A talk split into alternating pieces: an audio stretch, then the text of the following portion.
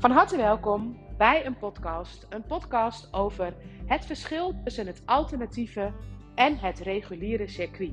En waarom kan dat zo moeilijk met elkaar samenwerken? Nou, ik kreeg een leuke vraag van een uh, cursist van mij.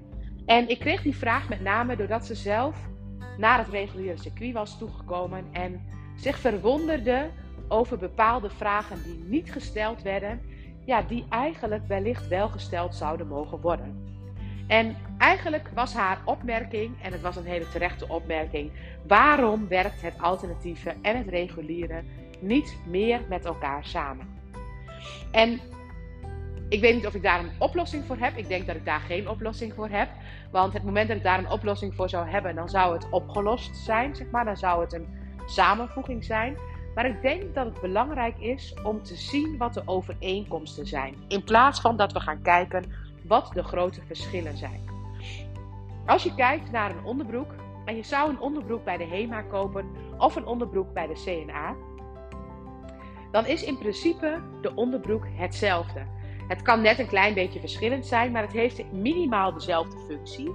Het ziet er misschien een beetje anders uit qua kleur of misschien qua randjes. Het kan ook zijn dat het een ander logootje in zich heeft. En stel je voor, jij bent echt een super fan van de HEMA. Dan vind je eigenlijk die onderbroek van de HEMA bij voorbaat al beter dan de onderbroek van de CNA. En andersom is het natuurlijk hetzelfde. En eigenlijk het moment dat je hangt aan HEMA of CNA, dan is het echt moeilijk om te zien dat als jij HEMA-fan bent, dat die van de CNA wellicht net zo goed is. Dan blijkt het wel alsof je wilt bewijzen dat die HEMA-onderbroek beter is. Nou, een vrij vreemde vergelijking wellicht met reguliere en alternatieve circuit. Maar als je kijkt naar het reguliere en het alternatieve circuit, en je zou beide hulpverleners, want beide zijn het hulpverleners, zou je met elkaar vergelijken, dan hebben ze meer overeenkomsten dan dat jij denkt. Of dan dat wij wel eens uitspreken. Ze gaan allebei gaan ze voor het beter worden van de patiënt. En ze hebben allebei daar de beste intenties toe. Maar ze kijken allebei met andere ogen. Nou, kijk je naar heel vroeger naar het moment dat Louis Pasteur en François Béjean samen in een uh, laboratorium aan het werk waren, dan zie je twee personen die allebei proberen te onderzoeken waar ziekte vandaan komt. Ze hebben allebei exact dezelfde intentie. Ze hebben allebei ziek weefsel en ze nemen van dat zieke weefsel een kleine biopt. En in die biopt vinden ze allebei, dus dat vinden ze allebei, vinden ze bijvoorbeeld bacteriën. Als we het hebben over een biopt waar bacteriën in zitten. Dan hebben we dus een biopt met bacteriën en een biopt met bacteriën. Kijken we naar het biopt met bacteriën, dan is de grote vraag: hoe ga je dat verklaren? Louis Pasteur die verklaarde dat het weefsel ziek was. Het weefsel was ontstoken en gezwollen omdat daar bacteriën zaten. Dus de bacteriën zijn de oorzaak van de zwelling van het weefsel. François Béjean, die keek met andere ogen. Die zei, op het plek van het zieke weefsel, daar zijn bacteriën, virussen en schimmels en die gaan dat weefsel daar herstellen. Het is een andere blik en het is een totaal andere aanpak als je het wil oplossen. Louis Pasteur die ging het oplossen door de bacteriën daar te doden of de virussen te doden. En François, uh, François Béchamp die ging het oplossen door te kijken dat het eigenlijk min of meer al opgelost was. Een totaal andere visie, maar wel een andere uitkomst als je kijkt naar de interventie die je gaat toepassen. Stel je voor, we kijken die, naar die twee thema's en we kijken naar die twee manieren van kijken. Dan zijn ze in heel veel onderdelen hetzelfde. Alleen één klein blikverschilletje, dat zorgt voor een compleet andere manier van werken en een compleet andere manier van handelen ten aanzien van het genezingsproces. Als we dan nu kijken naar het alternatieve en het reguliere circuit, dan zijn er twee soorten of twee manieren van kijken.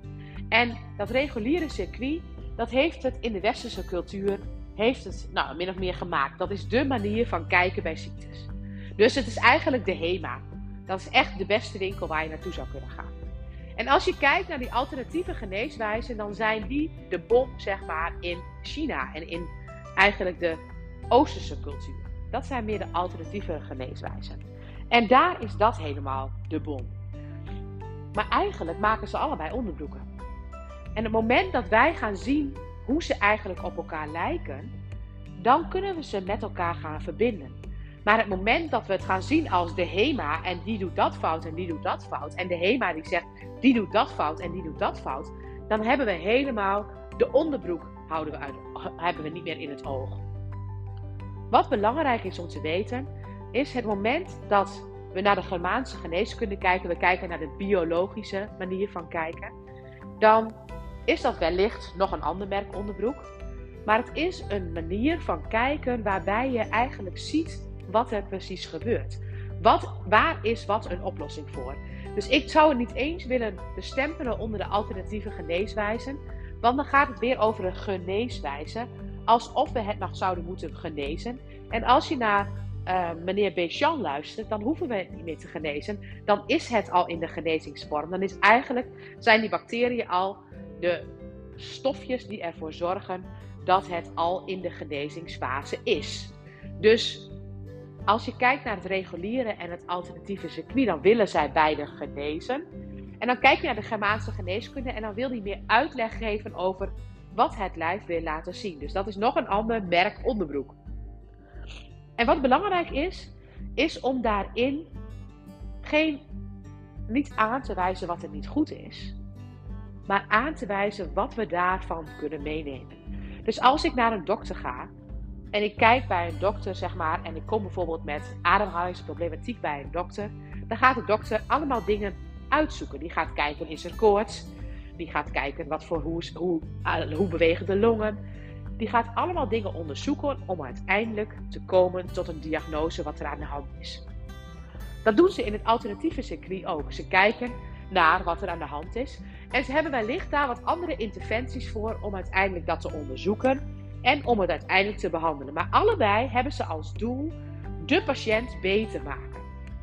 En het moment dat we gaan wijzen naar het reguliere circuit heeft het daar fout, of het alternatieve circuit heeft het daar fout, wat gebeurt er dan?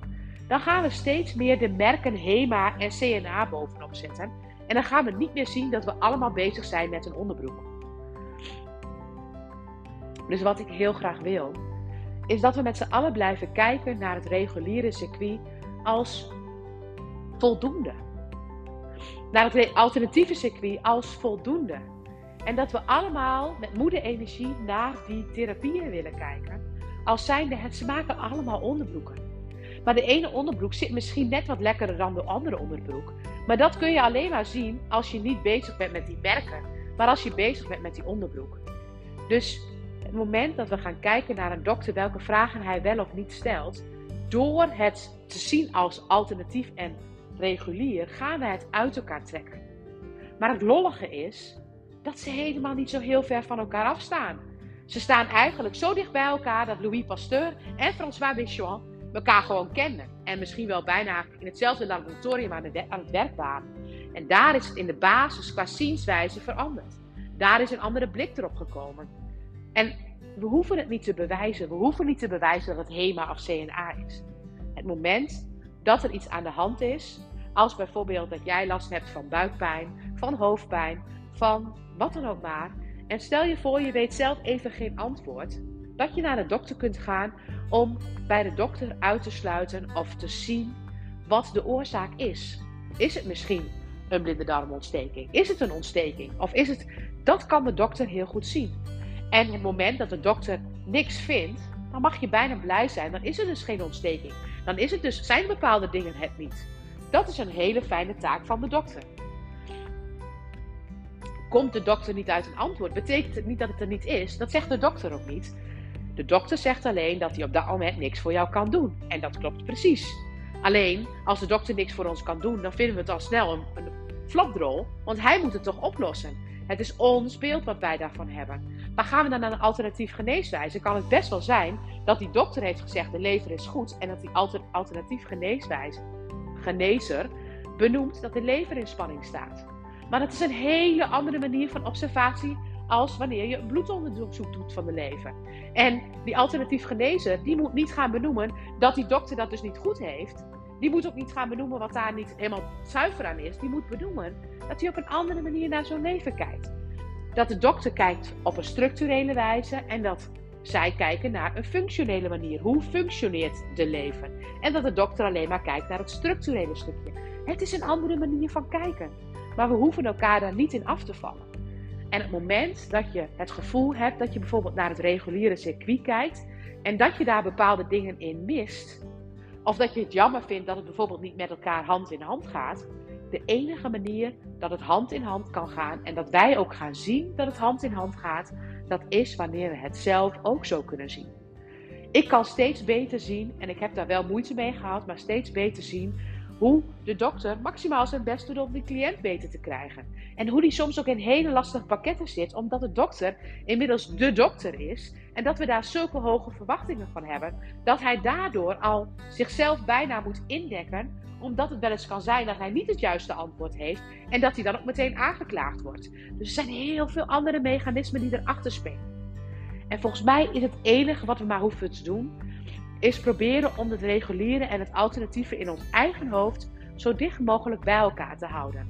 En wat ik doe, het moment dat ik denk dat ik een dokter nodig ben, ga ik naar de dokter. En dan ga ik kijken wat de dokter mij allemaal voor informatie geeft.